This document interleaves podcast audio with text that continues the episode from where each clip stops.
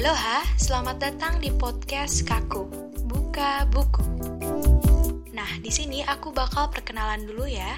Namaku Ratih Latifa Murniati atau biasa dipanggil Ratih.